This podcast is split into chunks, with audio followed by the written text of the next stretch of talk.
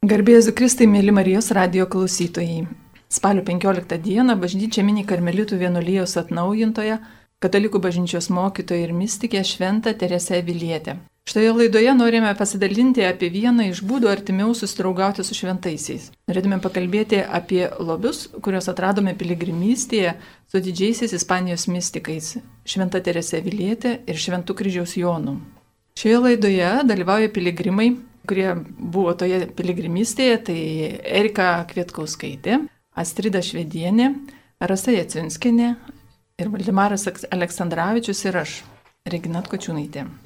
Taigi šventųjų tarpė yra kelios teresės, net gal keliasdešimt teresių, tai labiau mums žinoma yra gal švento kūdikėlio Jėzaus ir švenčiausioje veido teresė, taip vadinama vienuolė karmelitė, bažnyčios mokytoja, viena iš mylimiausių ir žinomiausių šventųjų, dar kartais vadinama Karmelio gėlelė arba Lizijų teresėlė, yra Prancūzijos e, ir pasaulio misijų globėja.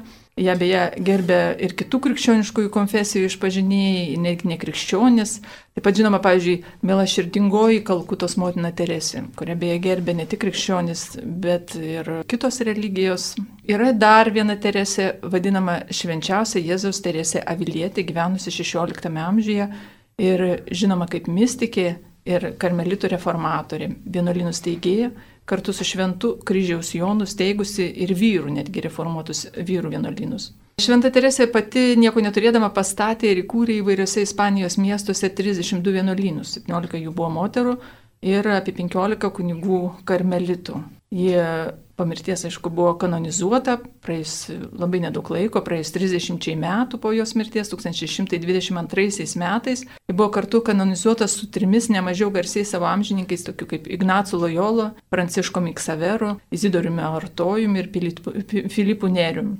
Taigi 70 metais popiežius Paulius VI šventą Teresę Vilietę draugė, beje, su Kotrina Sinietė, paskelbė bažnyčios mokytoje. Taigi suteikiamas jai maldos mokytojos titulas.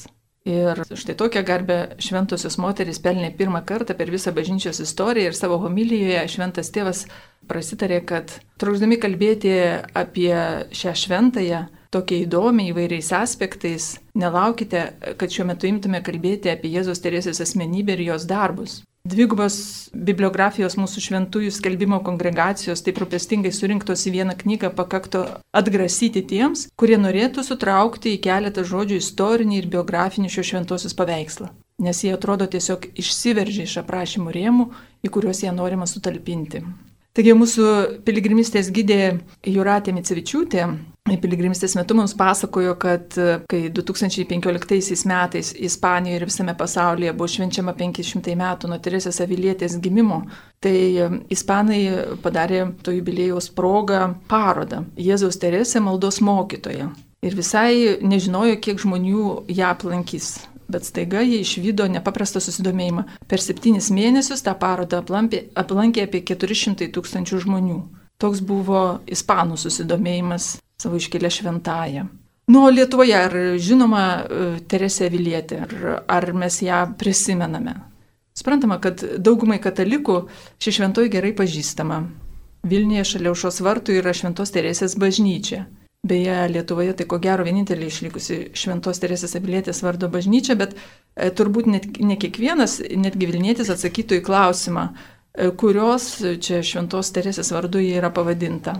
O bažnyčios fundatorius, e, vienas didikas Stepanas Pacas, beje, Teresė Vilėtė atrodo pažinojo neblogai. Belgijoje jis buvo susitikęs su karmelitėmis, kurios pažinojo pačią Teresę Avilietę, jis buvo amžininkas Teresės Avilietės ir galbūt kelionėje po Europą, kai jis dalyvavo karaliaus Vladislavo IV palydoje ir keliavo po Europą, sugrįžęs ėmėsi grandiozinių planų su savo žmona Ona Marija Ancilė Rudaminaitė ėmėsi funduoti net dvi bažnyčias vienu metu Vilniuje. Vieną skyrė basosioms karmelitėms, Švento Juozapo sužadėtinė bažnyčia, dar šalimais išpirko keletą namų, moterų vienuolyną įsteigė ir beje Švento Juozapo sužadėtinio bažnyčia ir vienuolynas buvo pavadinta Švento Juozapo vardu kaip ir pirmasis basųjų karmeličių vienuolynas ispaniškame Avilos mieste. Ir tuo pat metu prie medininkų tuometinių aušros dabartinių vartų.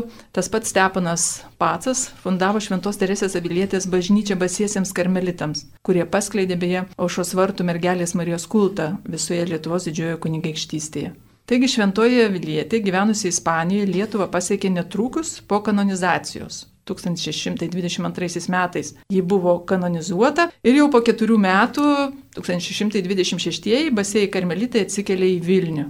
Įsteigta basųjų karmelitų na, provincija, pavadinta Švento Kazimiero vardu vėliau ir iš ties ties tie vienuolynai veikia iki pat e, sukilimų ir caro valdžia visus tuos e, vienuolynus vėliau uždaro. Na, Basėjai karmelitai vėliau įsikūrė ir kitose tuometinėse Lietuvos valstybės vietose, kaip, pavyzdžiui, Kaune, Gardinė, Antalieptėje, Gudagoje, Berlyničiuose ir panašiai, bet, žodžiu, iš ties, kur dabar vat, mes galime atrasti Šventąją Teresę Vilniuje?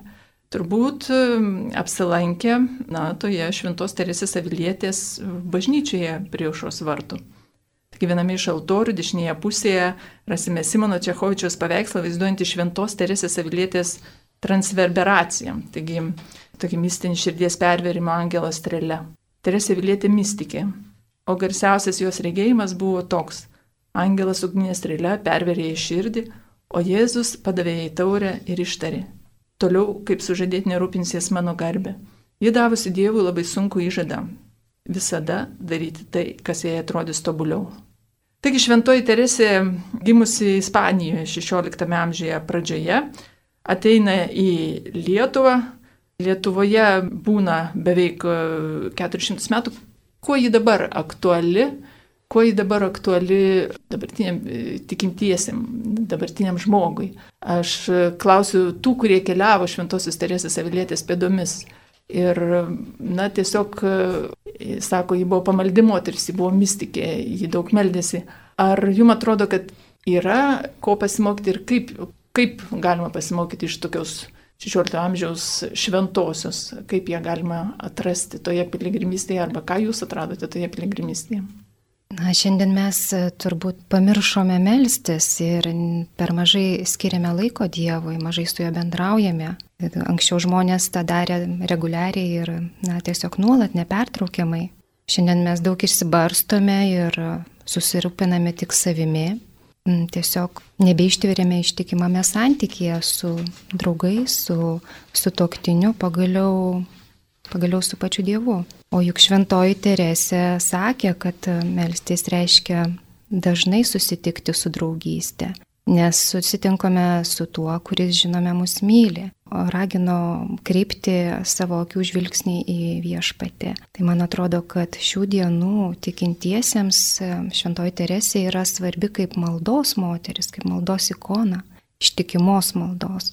O taip pat aš galvoju, kad Šventoji Teresė buvo labai veikli, labai drąsi moteris ir man atrodo, kad čia šiandien bažnyčiai tokių moterų labai reikia ir be jų bažny, bažnyčia tiesiog negalėtų vystytis ir aukti. Net pats popiežius Pranciškus sako, kad Marija yra svarbiau negu, negu apaštalai. Tad turime ką pamastyti šitoje vietoje, manau, apsvarstyti šitą.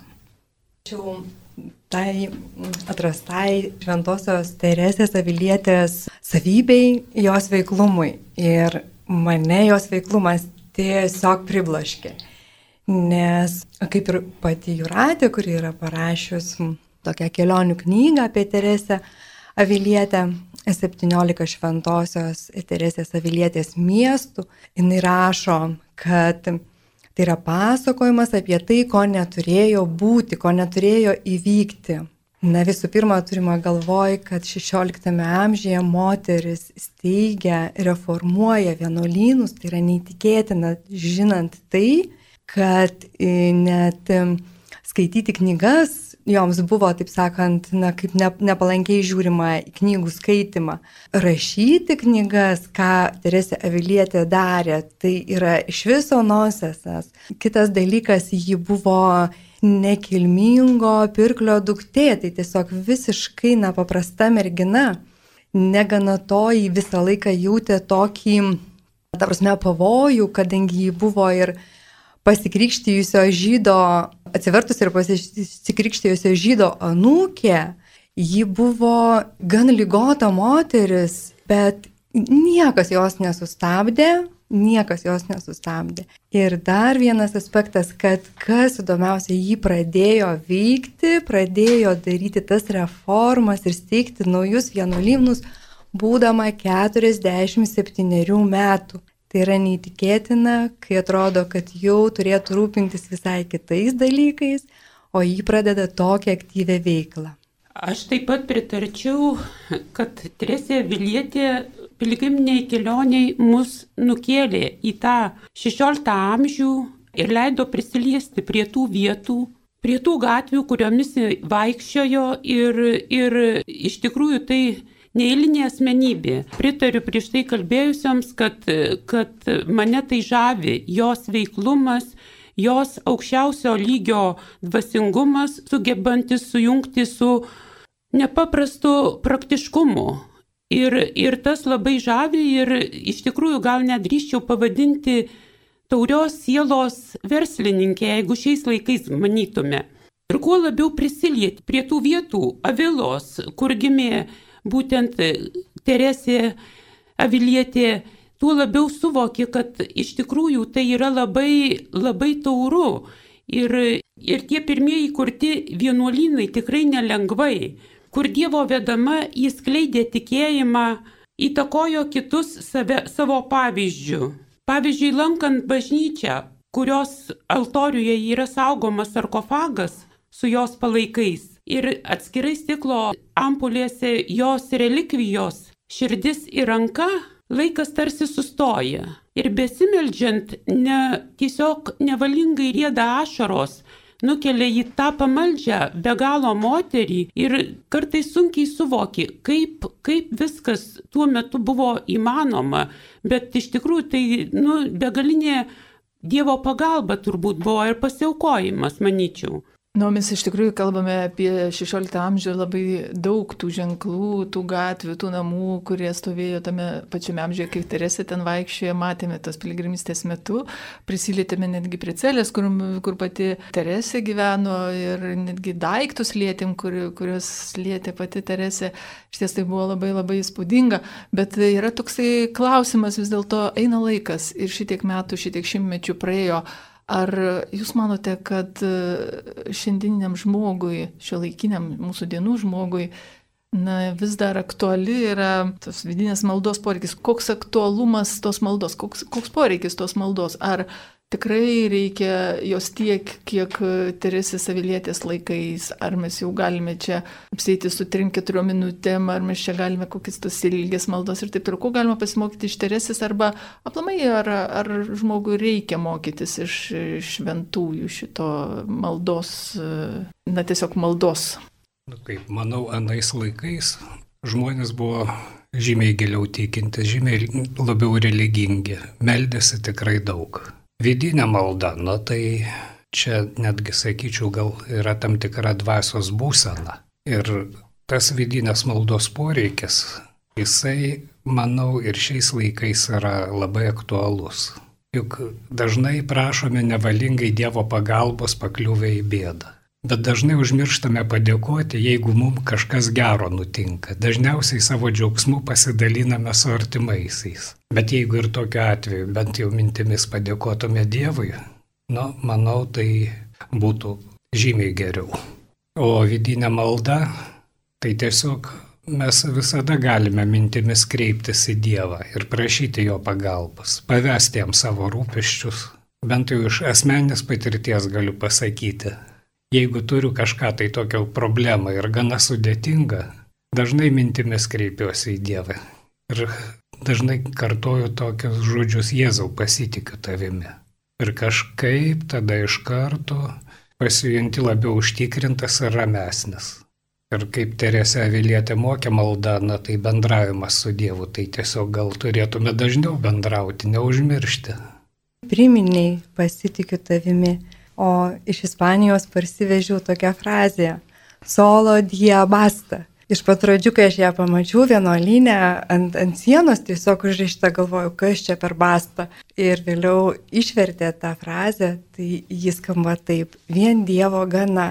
Ir iš tikrųjų aš spėju, kad Teresė Vilietė ir gyveno tokį gyvenimą, kad jai Dievo gana, jai buvo sunku su žmonėmis, bet su Dievu buvo lengva ir ji tikrai, na, su juo bendravo, nepaisydama to, kad ir patyrė, kaip minėjo, širties perverimo ekstazę, tai manau, kad buvo tiek ir dvasiškai spūdingas įvykis ir netgi paliko žymę, kaip spėjama jo širdyje, nes ta relikvija, kurią mes matėme prie Šventojios Teresės palaikų, jo širdį, kairėje pusėje viršuje yra toksai kaip kaip įbrėžimas, kaip, kaip žaizdelė, tarytum, kad ten į, būtent to vietoje jį buvo perverta.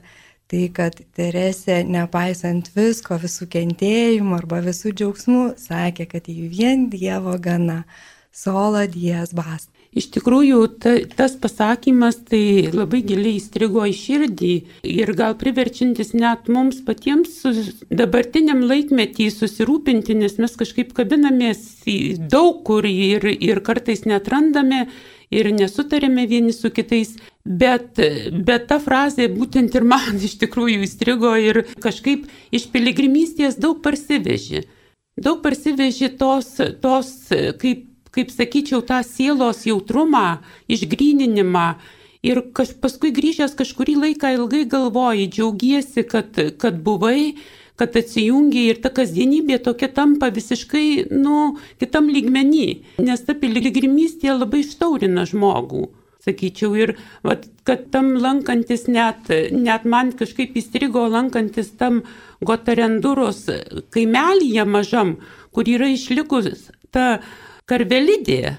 Būtent tas, tas kaimelis yra Teresės Avilietės e, mamos gimtinė ir tie žmonės taip nuoširdžiai džiaugiasi, tie taip nuoširdžiai mus priėmė ir jie didžiuojasi tuo, kad, kad ir tame būtent vat, mažame, ten keliasdešimt gal gyventojų kaimelyje yra įminta šios šventosios pėdutė. Jiem tai yra didelis pasididžiavimas. Tai ta Tai iš tikrųjų piligrimystė kažkas tokio labai labai svarbus, aš manau, kiekvienam iš mūsų patirti tiesiog įspūdį iš to, kad iš pilgriminės kelionės susijusių su žodžiu karvelidė. Ir vieną kartą vadovai mini, kad važiuosime pažiūrėti karvelidės, kitą kartą ir galvoju, kokios čia, kas tai yra. Tiesiog, bet aš kažkodėl įsivaizdavau karvės, o ne karvelius. Pasirodo, tai karvelidė yra karvelių namas. Ir kai mes ten įeinam, mes supratom,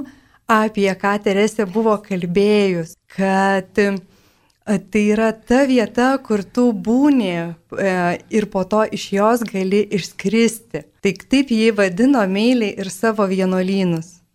Na ir dar galvoju, kad jinai įsteigė tiek daug vienuolynų. Visgi jai labai padėjo ta, manau, malda. Jinai kartais, kaip pagalvodavo, nei tų pinigų turėdavo. Bet e, jos pinigų stygius nesustabdydavo, jinai veikliai, jinai rašė laiškus, jinai rasdavo rėmėjų ir jai tie visi jos darbai, sakyčiau, gana sėkmingai klostėsi, nepaisant pasipriešinimo net iš pačios vienuolijos tarpo. Kad ji visada veikdavo pagal taisyklės. Ji pradėdavo vienuolyną steigti tik tai tada, kai gaudavo leidimą iš atsakingų kunigų, viskubų, kanauninkų, na priklausomai nuo tos vietos, kur jį turėjo įsteigti. Visada pasirūpindavo, kad būtų kunigas, kuris laikytų šventasis mišes, kad sakramentas būtų būtent patalpintas gražiame altorijoje. Na tokiais dalykais jai buvo labai svarbu. Ir, ir dabar iš atminties kyla kaip ženklas, kad jį mėgo, na, tvarkingai daryti tuos reikalus, užsitikrinti pagal taisyklės kad kai Aviloje yra, einame į um, Teresės Savilietės vienuolyną, jos paminklas stovi ties pėsčiųjų perėje. Ir vadovės juokauja, sako, žiūrėkite, net Teresė Avilietė ketina eiti būtent per perėją pėsčiųjų. Man Estrida priminėt su tais žodžiais vien Dievo gana mano pažinties pradžią su šventaja. Tai buvo gal 2012 metai, kai ruošiausi krikštyti savo draugės dukrytę Lina Mariją ir ieškojau jai tokio ypatingo, prasmingo palinkėjimo. Ir ieškojau, galvojau ir susitikau kitą dieną su savo pusėserė, atsisėdome ant gatvės, šalygatvio tiksliau. Ir jinai man paniuniavo giesmę vien Dievo gana. Ir ta giesmė man taip e, įkrito į širdies lopšį, kad man aš ją nešiau, nešiau ir galiausiai aš tą giesmę padovanojau krikšto progą savo krikštadukriai.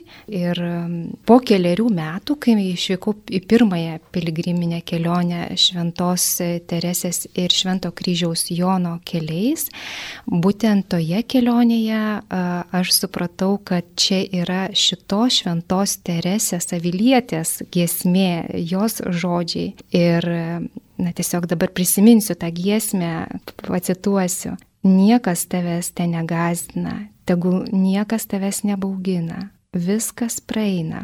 Dievas visuomet lieka tas pats, kantrybė viską pasiekia, kas turi Dievą, turi viską, vien Dievo gana. Na, va, mes taip gražiai keliaujame 16 amžiaus gatvėmis ir visi miestai, kuriuos aplankėme, lik iškyla prieš akis tos perėjos, ten tie visi namai, visi vienuolynai, kurie atrodo tokie paprasti. Einant pro juos net langų nesimato tokios tik tai sienos, sienos ir atrodytų, ah, koks šventas miestas, bet taip mažai langų, ar ne? Iš tiesų aš galvoju, kaip jums atrodo, ar reikia leistis į piligrimystę, kad atrastum šventai, kad su juo susidraugautum iš arčiau, kad jį pažintum iš arčiau, kad, na, pristatytum gal jo draugų tose miestuose, ar kaip, na, žodžiu, ar reikia dalyvauti ten, kur jisai buvo, ar reikia pasiektas vietas, kaip tai padeda tą šventai pažinti. Aš manau iš tikrųjų, kad kartą pabandęs, kaip sako, negali sustoti. Ir, ir ta piligrimystė, tai, nu, reikia. Reikia kiekvienam iš mūsų. Gal kiti nedrįsta, gal kiti nežino, gal tiesiog, nes, nes tokios kelionės jos, nu, atveria pasaulį, dvasios pasaulį, kur mes labai, labai kartais įninkame į kitus dalykus. Ir ta pirmoji kelionė mano asmeniškai buvo 18, 2018 metais į Šventąją Žemę. Ir kartą pabandęs, norisi dar, dar. Ir iš tikrųjų, vad pažinus mūsų, kur ir dabar keliavau, Mundus Mirabilis vadovę Reginutę Atkočiūnaitę, tai taip gaunasi, kad tu vis dar nori kažką pažinti, nes ta, tos kelionės ir kada jos puikiai yra sustiguotos visos ir, ir visi žmonės netgi, sakyčiau, jie atsiveria, jie kiekvienas savo paima to, ko, tą, ko jam labiausiai reikia. Net būnant, kad kitas žmogus gal ir visi, ne visai galvoja apie tą piligrimystę, dar kažką, architektūrą domina, domina ar kiti dalykai, bet gale kelionės paprastai visi, visi lieka labai patenkinti. Tai va ir ta pažintis su šventaja Terese, tai man, man labai labai mane papildė mano sielą, man, man gera, aš grįžus dar ilgai apie tai mastau ir, ir sapnuoju, ir galvoju, ir, ir žodžiu labai patenkinta. Ir dėkoju. Aš norėčiau pasidalinti tuo, kad e, turistinė kelionė ir piligriminė kelionė, na, skiriasi, pavyzdžiui, kad ir tokių dalykų. Iš vienos pusės atrodo jis gal nereikšmingas, bet man atrodo, kad ypatingai reikšmingas. E, turistinė kelionė tu gyveni viešbučiuose, paprastai, ne? O piligriminiai kelioniai, pavyzdžiui, šioje kelionėje, kur mes keliavom e, mistikų keliais Ispanijoje, mes gyvename vienuolynuose arba svečių namuose šalia vienuolynų. Negana to, mes turėjome šventasias mišes tų vienuolynų bažnyčiose. Negana to, mes turėjome šventasias mišes prie šventosios Teresės palaikų. Kunigas Povilas Narijauskas laiko mišes, o šventos Teresės palaikai yra tame altorija virš jo. Pavyzdžiui, arba E, iš Švento kryžiaus Jono. Lygiai taip pat. Ir tai yra toks įspūdis, kad tu esi taip šalia ir supranti, kad, na, tie šventieji, jie liudyja ne save, jie liudyja Kristų, nes jų ir yra misija. Iš tikrųjų, man atrodo, kad Teresė pilniausiai ją išpildė. Liudyti ne save, bet liudyti Kristų, kad jis yra tikras, kad jis yra gyvas, kad galima su juo kalbėtis, kad galima klausti jo patarimo, kad galima net maldos mokytis. Tai, nu va, šitie dalykai per piligriminę kelionę labai žavi ir tuo skiriasi nuo turistų. Aš labai pritariu ir manau, kad piligrimystė tai tikrai yra mm, geras būdas, kuris padeda net susidraugauti, ne tik kad pažinti, sužinoti, mm, sukaupti kažkokios informacijos, bet tai yra geras būdas susidraugauti su šventaisiais ir priartėti prie jų ypatingų būdų, net e, sunkiai paaiškinami ir sudėtingai paaiškinami išgyvenimai šiuose kelionėse lydi, malonės lydi ir pagaliau tai yra taip pat, kaip bendrauti su bet kuriuo kitu žmogumi. Jei nori gerai jį pažinti, turi su juo na, nueiti kažkokią kelio dalį kartu, išgyventi ir, ir džiaugsmus, ir, ir sunkumus, pasidalyti savo gyvenimu, padėti ir priimti pagalbą. Tai lygiai taip pat ir su šventaisiais mes juos kreipiamės, mes daliname savo rūpešiais, mes pasakome savo džiaugsmus ir taip mes gasi draugystę. Aš labai aiškiai suvokiau po šitos kelionės, kai pirmą kartą iškeliavau 2017 metais, kad aš užmėsgiau santyki, asmeninį santyki su Jėzaus Teresė, su Šventuoju kryžiumi Jonu. Ir dabar kreipiuosi juos užtarimo, bendrauju su jais, prašau patarimo netgi. Ir patys šventieji turbūt, nesėdėjo ten ranką sudėję, irgi buvo piligrimai, ne veltui Teresės Avilietės metų, jubiliejinių metų ženklas yra jos pėdutė, e, visur randami miestuose, kur tik lankome Teresės miestus. Ir šalia pėdutės yra tokia lasda, e, nu toks taškas, taip kažkaip tai lasda, piligrimų lasda, kurį jinai visą laiką nešiodavosi. Aišku, jinai buvo silpnos sveikatos, jai reikėdavo gal pasiremti, bet iš ties jinai labai daug keliavo, labai pagal savo metus, pagal sąlygas, kokias ten įmanoma, nu, tai tikrai mes kelionės metu žiūrėjome tokį e, kunigo Povilo Narjausko parūpintą tokį filmą apie e, Teresę Vilietę, tai labai padėjo suprasti tą laikmetį. Iš ties ta kelionė nebuvo tokia patogi kaip šiais laikais ir Teresė vis dėlto sugebėjo nukeliauti į tuos netgi, kad ir sakykime, 17 ir daugiau ten tų miestų, po visą Ispaniją keliaudama, tikrai užtrukdavo ir laiko ir sveikatos, kiek sveikatos padėdavo tame kelyje ir vis tiek jos gyvenimas buvo tokia ilga, ilga kelionė. Tų kelionių gal jai ir nereikėjo tikėjo, bet ji buvo Dievo piligrimė. To, ji, ji buvo mystikė, ji buvo, gaudavo Dievo žodį ir eidavo paskui. Tai iš ties tai e, ta, kuri tiesiog e, taip tiesmukiškai paskui Dievą visur sekdavo. Taigi aš minčiau, kad piligrimystė mus suveda su Terese arčiau, ar ne, kai eini tomis gatvėmis, kur jinai vaikščiojo, kai ateini į tą, žinai, vienuolino celę, kur jinai buvo, kai paimi tą daiktą, kur, kur jie arba jos seserys naudojo, paimi tą knygą, kur, ant kurios yra jos parašas, na tiesiog, na, žodžiu, Teresė Vilietė, reikia su ją susitikti Aviloje, ar ne? Manau, kad e, tikrai galima su ją susitikti ir Lietuvoje, be abejo, nes, yra ten ir paštuvoje, Karmelyčia, ar ne? Ir va, sesuo Rozana, gyvenanti krikštienuose, irgi Karmelitė, nežinau, ar basoja, ar, ar nebasoja, bet, bet iš tikrųjų tai paštuvos Karmelitės, tai basosios Karmelitės, žinau, o 94 metais atsikūrusios Lietuvoje, va, ten ten pas jas galima pradžioje nuvažiuoti, paskui žaisti į Teresės bažnyčią, o paskui jau tikrai važiuoti į, į tas vietas, kuriomis e, vaikščiojo, kur vaikščiojo pati Teresė Vilėti ir kryžiaus Jonas, ar ne? Taigi tas piligrimystės nežinau, draugystė su piligrimystė padeda mūsų tobulėjimui. Tai vienintelis turbūt e, ir pagrindinis tikslas, vienintelis pagrindinis tikslas piligrimystė susitikti su šventaisiais ir susidraugauti su jais, pasimokyti iš jų, padėti savo žengti su jais bent vieną žingsnį į priekį. Tai iš ties sutinku, kad reikėtų tikrai keliauti ir susitikti Teresę Aviloje. Mes kalbame apie Teresę Vilietę, o dabar trumpa pertraukėlė, po kurios tęsime laidą. Jūs girdite Marijos radiją.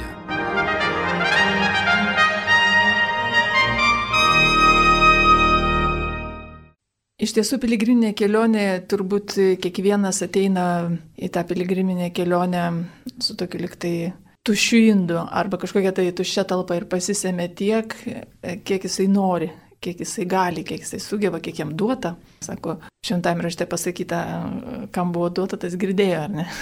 kam buvo duota, tas regėjo iš tiesų. Tai, na, kiekvienas turbūt tą piligriminę kelionę išgyvena skirtingai.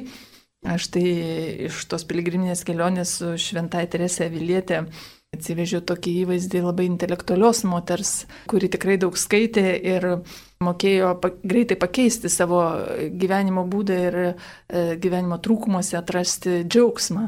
Net Teresė Vilietė, kai rašė vidinės pilies buveinės savo knygą apie maldą, Žodžiu, jai nutiko tokia nelaimė, jinai nukrito ir susilaužė ranką.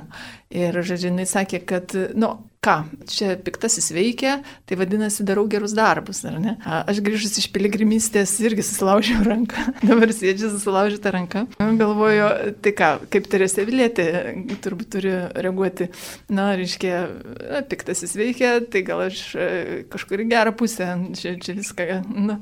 Tai, žodžiu, iš ties tai piligrimystėje atradau, kad jinai Netgi tuose momentuose, kai būdavo, ją kažkas liūdina, pavyzdžiui, kai daug knygų ispanų kalba buvo uždrausta skaityti jos laikai 16 amžiuje, na, ta inkvizicija, ir kai buvo labai sunku su tomis knygomis atsisveikinti, tada e, jinai labai meldėsi ir, ir sakoma, kad viešpats tarė Teresiai, neliūdėk, aš tau duosiu gyvą knygą.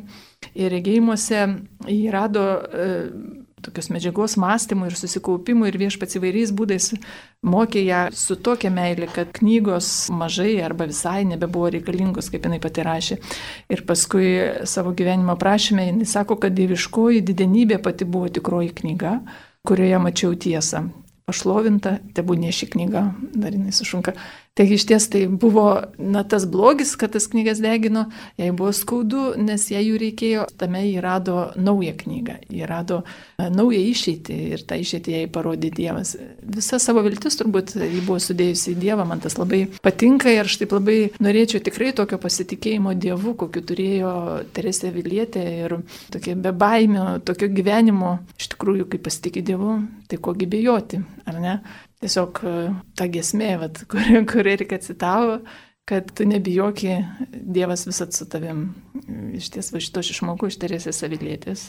Man Teresė Avilietė, tai iš tikrųjų Vienas dalykas veikli moteris, kitas dalykas yra nuolankumo revoliucionierė. Mane tiesiog stebino jos ta tokia savybė ir būti nuolankiai, ir būti aktyviai. Kartais atrodo, jeigu tu esi nuolankus, tai tu turi būti būtinai pasivus. Ir čia visą šitą mitą, visą šitą, na, tokį kažkokį klaidingą įsivaizdavimą Teresė visiškai sugriovė. Būdamas nuolankume ir veikdamas pagal taisyklės, gali daryti labai didelius um, Dievo darbus, Dievo šloviai, bažnyčios vienybei, jos, jos tobulėjimui, Dievo vardo garbinimui ir šlovinimui. Ir tos piligriminės kelionės vaisius, sakyčiau, buvo toksai, kad e, vykdama į piligriminę kelionę aš ją tyriau kaip padėką už savo santoką, už savo šeimą, už vaikus, už visą tai, ką turiu, už tikėjimą ir bendruomenę. Ir grįžus iš tos piligriminės kelionės, negalėjau atsistebėti savo vyrų, savo sutoktinių. Mes susituokę 21 metus kiekvieną dieną po tos kelionės man atrodė, kad aš jį vis iš naujo įsimyliu, kažkas panašaus tikriausiai kaip Teresė Vilietė, įstojus vienuolyną vis labiau įsimylėdavo Jėzų. Tai galbūt skamba keistai, ką dabar kalbu, bet tai tikrai labai nuoširdu. Na, kai e, lankiausi Ispanijoje pirmą kartą, tai labiau gal tokios patirtis buvo mistinės ir sunkiai suvokiamos, bet jau antrą kartą sugrįžus į tas vietas ir į naujas vietas mes gyvenome e, Prancūzijos kalnų apsuptame vienuolynė, karmelitų vyrų vienuolynė svečių namuose ir aš išgyvenau e, būtent toje vietoje, kad manyje sustiprėjo vidinės maldos toks poreikis. Ir e, ten būdama prisiminiau anksčiau skaitytą jos knygos, knygą apie sielos buveinės. Ir tai, kad mūsų sielos viduje gyvena Dievas, o mes visą gyvenimą juk skirime savęs pažinimui. Tad e, man taip suskambėjo, kad tas savęs pažinimas iš tiesų yra Dievo pažinimas, savęs ieškojimas yra paslėptas Dievo ieškojimas. Ir aš manau, kad nėra pasaulio žmogaus, kuris neieško savęs. Visi mes ieškome ir kada nors suprantame, kad iš ties ieškome Dievo, bendrystę su juo. Ir aš taip tikiu, kažkaip viskas man taip susidėliojo ir grįžus iš tos antros piligrimystės Švento kryžiaus Jono ir Šventos Teresės keliais, mano adoracijos įsipareigojimas tarsi kažkaip persikeitė. Ir mano įjimas į, į susitikimą su Jėzumi švenčiausiame sakramente įgavo tokią na, naujas spalvas, tos tokios kontempliacijos daugiau. Na, iš Teresės avilietės, aš sakyčiau, nu, pasimokiau to, kad pradėti kažką niekad nėra vėlų. Nu, turėdamas omeny, kad būdama 47 metų pradėjo jinai reformas. Ir dar kažką tai keičiant, reformuojant, nebūtina greuti, tiesiog reikia naujai pažvelgti į esamą tvarką, į taisyklės. Juk Teresė Vilietė jinai tos tvarkos negriovė, nebuvo revoliucionierė, jinai tiesiog stengiasi grįžti prie ištakų. Ir matyt, tas kelias jos tikrai buvo sėkmingas, kad jau gyvuoja 500 metų. Nu, man taip pat, kaip ir, kaip ir kiekvienam čia iš mūsų, turbūt palietė tikrai giliai širdį Teresė Vilietė ir, vad, klausau, Erikos, jinai sako, aš antrą kartą kaip važiavau, tai tikiuosi, gal irgi nuvažiuosiu ir aš antrą kartą, ir gal ne tik antrą, bet iš Teresės tai be abejo, kaip ir kartosius turbūt to to pamaldumo, to, to visiško pasitikėjimo Dievu, to šventumo, tikrai pasimokyti, jos, jos darbai tą byloja. Ir aš manau, kad aplamai piligriminė kelionė labai daug žmogui duoda, labai, labai giliai prasiskverbia į, į širdį. Ir kiekvienas tas šventasis savaipis yra labai įdomus ir jeigu mes kiek besigilintumėm, tai tuo daugiau atrandi. Ir atrodo, tu žinai, kai grįžti pasirodo, kad tu dar nelabai ką žinai ir dar kai ko iš vis nežinai. Skatina gilintis, kuo daugiau gilintis. Ir labai smagu paskui ta bendrystė tarp mūsų buvusių ir tarp, tarp norinčių keliauti. Turėjau kažką pasakyti, turi kažkuo e, pasidalinti ir, ir aš manau, kad tai yra labai svarbu. Ypatingai šiuo metu tai tikrai. Tai iš tiesų galiu pasakyti, kad praėjus 500 e, metų, įsivaizduokit, penki amžiai, e, Šventa Teresė Vilietė ir toliau palieka savo dvasinės misijos pėtsakus. Tiesiog e, jo širdis ištroškusi tos tvarkos, tos katalikybės, nu, savo meilė ir atsižadėjimu, be jokio žemiško prieraišumo, jinai atsiduoda bažnyčiai. Ir prieš savo paskutinį atodusi ji tikrai galėjo kaip savo gyvenimo epilogą ištarti žodžius pagaliau ir aš esu bažnyčios dukra. Tai šituose žodžiuose, na, turbūt yra išpranašauta Teresai tų šventųjų garbė. Tai iš ties didelis, labai didelis dvasinis paveldas iš Ispanijos, bet kartu paveldas duotas visam pasauliu, visam krikščioniškam pasauliu. Taigi aš čia tikrai reikia išvelgti tą kvietimą ir visiems mums būti jos balso aidu, paversti tiesiog tą aidą mūsų gyvenimo programą turbūt, kad galėtume su ją kartoti, esame bažnyčios vaikai. Taigi, mėly Marijos radio klausytojai, girdėjote laidą apie Ispanijos mystikus Šventą Teresę Vilietę. Laidoje dalyvavo piligrimai Erika Kvietkauskaitė, Strida Švedienė, Rasa Jaciunskinė, Valdemaras Aleksandраvičius ir aš, Regina Tkučiūnaitė. Atsisveikiname su jumis iki sekančių kartų. Su Dievu.